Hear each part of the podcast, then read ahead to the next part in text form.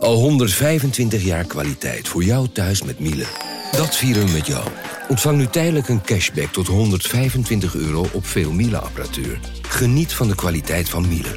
Voor perfect verzorgd wasgoed en kleding die veel langer mooi blijft. Voor een stralend schone vaat, even perfect als jouw diners. En een stofvrij thuis waarin echt hygiënisch schoon de standaard is. Check miele.nl voor alle feestelijke aanbiedingen. Hey podcastluisteraar. Ook op zoek naar een relevante invulling van je schaarse luisteruren? Tune dan in op de podcastserie ESG, even samengevat van BNP Paribas. Wij, Marloes en Aldert, spreken daar duurzame voorlopers en wereldverbeteraars. Waarover dan? Nou, bijvoorbeeld of we ooit duurzaam kunnen gaan vliegen. En waarom koeien in de stad nou een goed idee is? Dat en meer elke twee weken in een nieuwe aflevering. Dus abonneer je. ESG, even samengevat.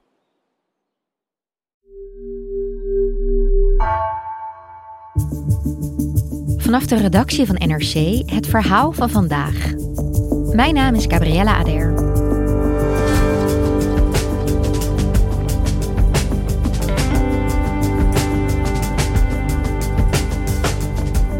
De Armeense enclave Nagorno-Karabakh werd deze week aangevallen door Azerbeidzjan.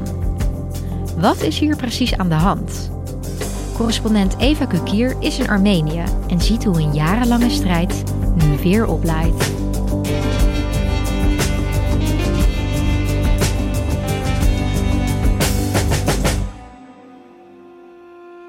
Afgelopen dinsdag is Azerbeidzjan eigenlijk plotseling een grote militaire aanval uh, begonnen tegen de inwoners van Nagorno-Karabakh, de Armeense enclave die in het westen van Azerbeidzjan ligt. Azerbeidzjan voert aanvallen uit in de Armeense enclave Nagorno-Karabakh. Nagorno-Karabakh wordt internationaal erkend als onderdeel van Azerbeidzjan, maar Armeniërs bewonen en besturen het gebied. Er kwamen allerlei berichten uit het gebied uh, op sociale media, Telegram, op X, van luchtalarmen, zware explosies, inslagen in woningen. Drone, drone. Ik had al een paar dagen contact met een journalist in Nagorno-Karabakh in de hoofdstad Stepanakert. Uh, zij heet Siranoush Sargsyan. En ik had al uh, ja, berichten met haar uitgewisseld over de situatie daar. En toen de aanval door Azerbeidzjan werd geopend, uh, stuurde zij mij ook allemaal voice messages. Today the Azerbaijanis are using mortars. And the sound was so loudly strong that even in some schools in Stepanakert, children are being taken uh, to shelters. De burgerbevolking vluchtte vervolgens naar schuilkelders. De elektriciteit viel grotendeels uit, dus ook het internet. En ja, er is ontzettend veel schade aangericht. Ja, want waar is dit precies? Nagorno-Karabakh is een kleine bergregio in Azerbeidzjan, niet ver van de Armeense grens, dus tussen die twee landen. En uh, daar is al, ja, eigenlijk al eeuwenlang is daar uh, conflict tussen Armeniërs en Azerbeidzjan, die dat gebied allebei claimen als hun geboortegrond, hun eigen land. En dat was lange tijd in handen van etnische Karabach-Armeniërs die daar wonen. Dat zijn ongeveer 120.000 mensen. En die hebben ook een eigen bestuur. En de, onafhankelijkheid van Nagorno-Karabakh, van die Armeniërs daar, die wordt internationaal niet erkend. En het gebied maakt dus gewoon deel uit van Azerbeidzjan. En um, dit is dus de plek waar al jarenlang echt een bloedige strijd gaande is tussen Azerbeidzjan en Armenië. Een strijd die telkens weer opleidt en dan is het weer een tijdje stil. En dan ineens horen we weer over het geweld in Nagorno-Karabakh. En uh, ja, dat is dus afgelopen week ook gebeurd met die aanval van Azerbeidzjan. Dit vindt dus plaats in Nagorno-Karabakh, dat zei je net. Maar wat is hier nu precies aan de hand? Nou, om dat te begrijpen moeten we eventjes terug in de geschiedenis.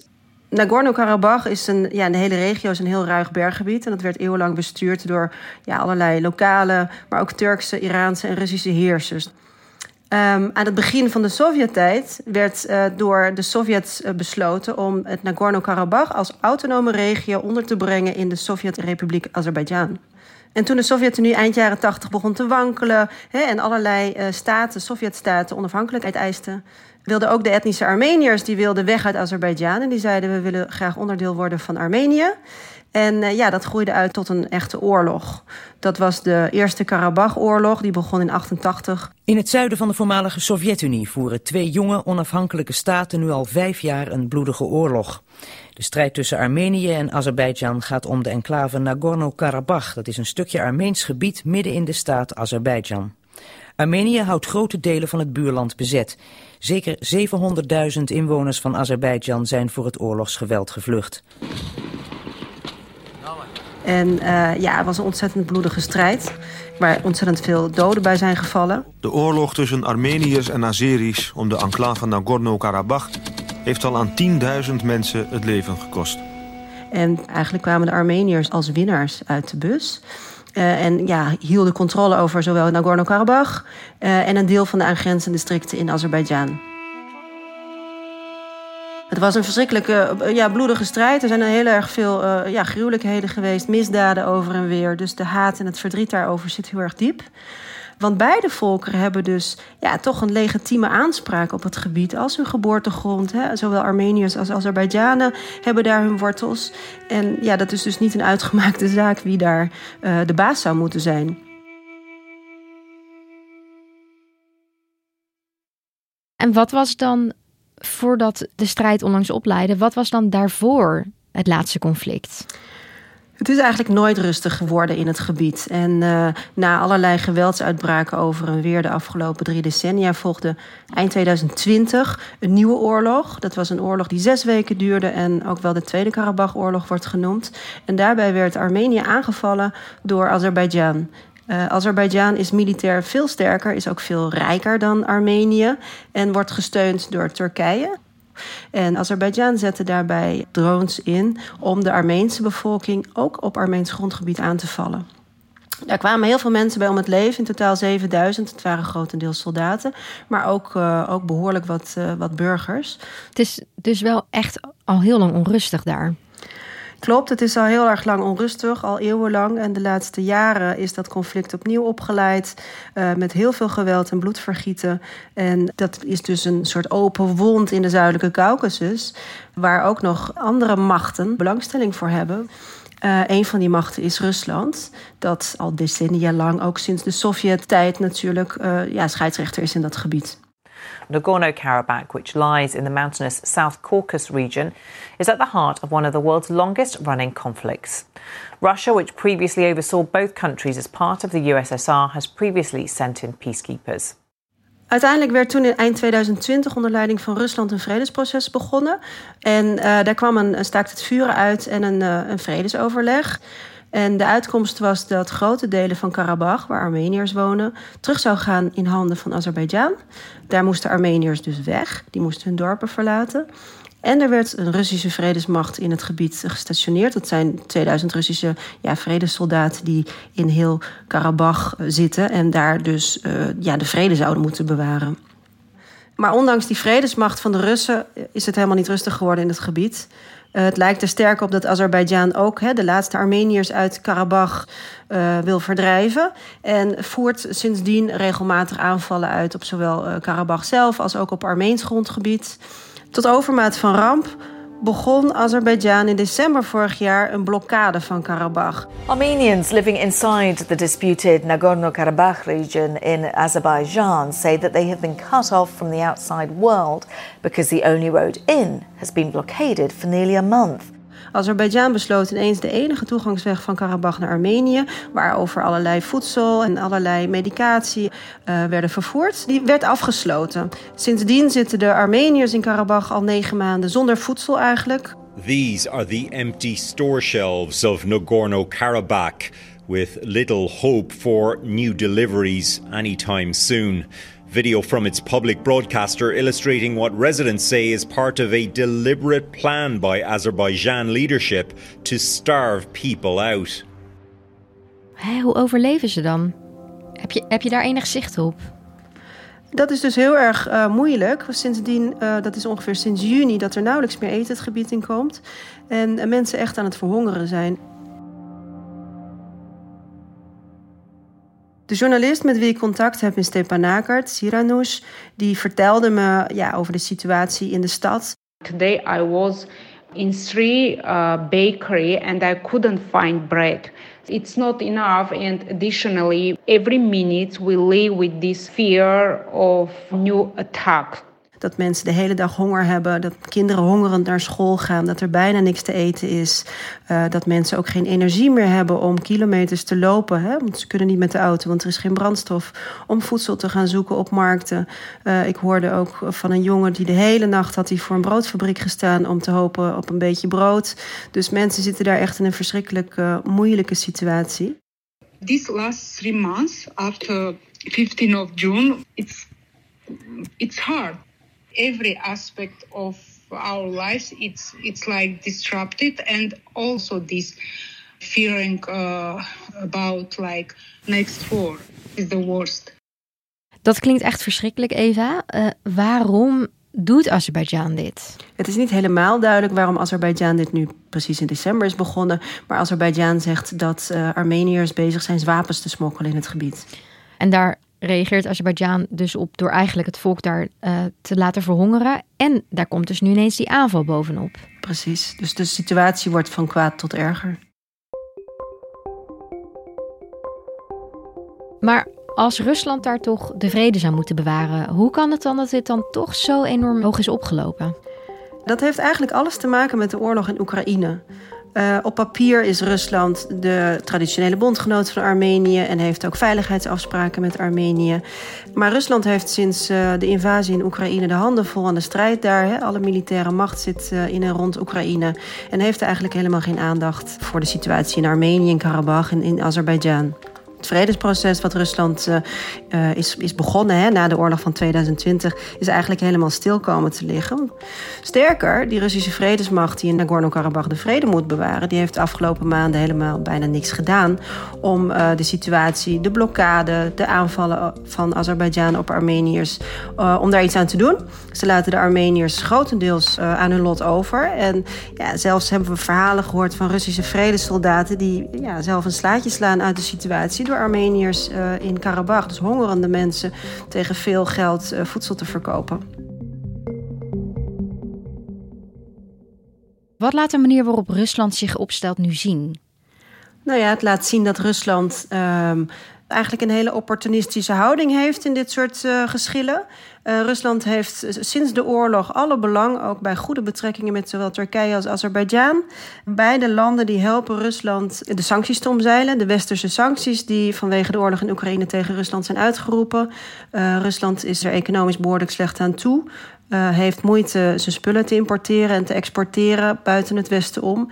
En Turkije en Azerbeidzjan die helpen daarbij. Daarbij is Azerbeidzjan uh, ook een belangrijke doorvoerroute voor Rusland naar het zuiden. Dus voor Rusland is het veel belangrijker om bevriend te zijn met Azerbeidzjan dan met Armenië. Maar er speelt meer, want het Westen is ook op het toneel verschenen. Het Westen is in het uh, gat gesprongen eigenlijk, wat Rusland heeft achtergelaten omdat het zo druk is met de oorlog in Oekraïne. Vorig jaar begon het Westen eerst onder leiding van de Europeanen en daarna onder leiding van de Amerikanen een eigen vredesproces. Waarbij ze Azerbeidzjan en Yerevan aan tafel hebben geroepen om de rust in Karabach te herstellen en om tot duurzame vredesafspraken te komen. Dat liep eigenlijk best wel goed, dat Westerse vredesproces. Maar Azerbeidzjan gooit toch ja, roet in het eten. En jij bent nu in Armenië. Hoe wordt daar gereageerd? Armeniërs zijn natuurlijk ten eerste ontzettend geschrokken door die aanval van gisteren. Waarbij ontzettend veel mensen ook zijn omgekomen en gewond zijn geraakt. Uh, dus mensen zijn in shock. Tegelijkertijd hebben veel Armeniërs hier ja, hebben dit wel een beetje aanzien komen. Ze hebben absoluut geen vertrouwen natuurlijk in Azerbeidzjan. Dat is de aardsvijand. Maar het vertrouwen in Rusland vanwege de passiviteit, vanwege het feit dat die Russische vredesmacht niks doet. Um, ja, is ook ontzettend geslonken. Dus sinds 2020 ja, groeit het anti-Russische sentiment hier ook wel. Nou, afgelopen dinsdag zijn in Jerevan demonstraties uitgebroken. Ten eerste ging een grote mensenmenigte uit woede naar de Russische ambassade... omdat ze zich door Rusland uh, in de steek gelaten voelen. Dus de, de, de woede tegen Rusland was groot. De, de ambassade werd geblokkeerd. En uh, ja, het personeel kon daar niet naar buiten. Aan de andere kant waren de mensen ook woedend op de Armeense regering, op eh, de premier Pashinyan, omdat ze zich door hem verraden voelen. En dat komt omdat Pashinyan de afgelopen maanden dat vredesproces in is gegaan en ja, afspraken heeft gemaakt met Azerbeidzjan, waar de Armeniërs het niet mee eens zijn. Onder andere heeft Pashinyan um, met Azerbeidzjan afgesproken dat ze elkaars uh, territoriale integriteit zullen respecteren. En veel Armeniërs zijn daar kwaad over. Die zeggen: hè, Pashinyan, je komt niet voldoende op voor onze belangen. Uh, dit leidt tot nog meer. Uh, conflict met Azerbeidzjan in plaats van vrede. Dus die zijn heel erg kwaad op de regering.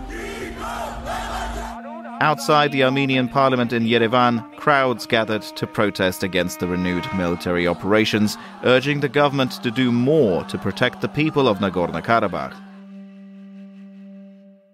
Ja, en hoe wordt er dan weer vanuit Azerbeidzjan gereageerd? Wat zeggen zij hierover? Azerbeidzjan hamert de hele tijd erop dat het Ar Armenië is dat het vredesproces blokkeert. Dat Armenië niet akkoord gaat uh, met, met afspraken. En ja, je moet ook bedenken, Azerbeidzjan is uh, een autoritair bewind. Daar is president Aliyev aan de macht. Uh, mensen hebben weinig vrijheid van meningsuiting. de pers is staatsgecontroleerd. Dus het is heel moeilijk om erachter te komen wat de Azerbeidzjanen, de bevolking zelf, hier precies over denkt.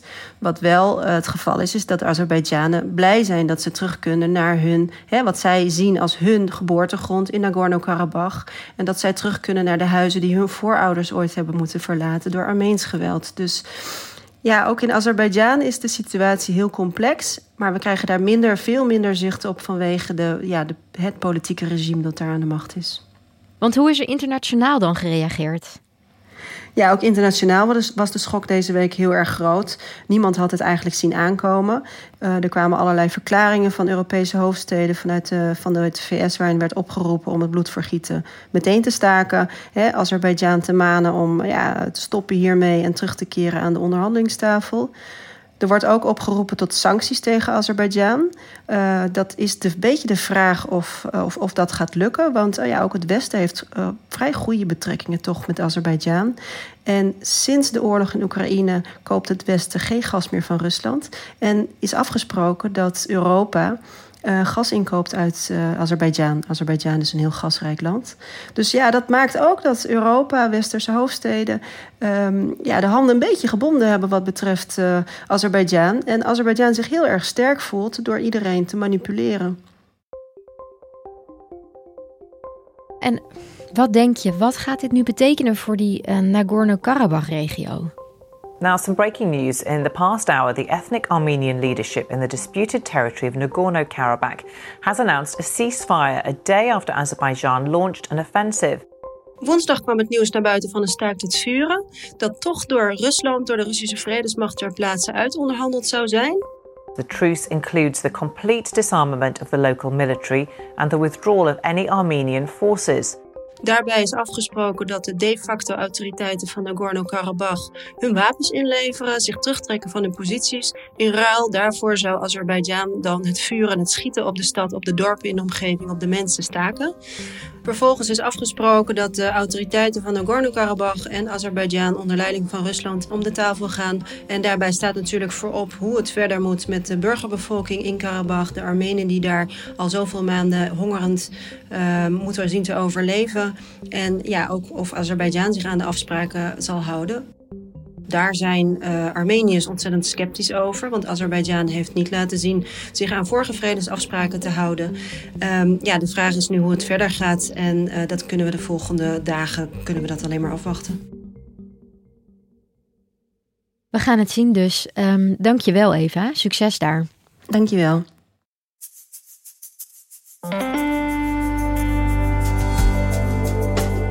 Je luisterde naar vandaag, een podcast van NRC. Eén verhaal, elke dag. Deze aflevering werd gemaakt door Nina van Hattem, Tessa Kolen en Jan-Paul. Coördinatie door Henk Ruigrok van de Werven. Dit was vandaag, morgen weer.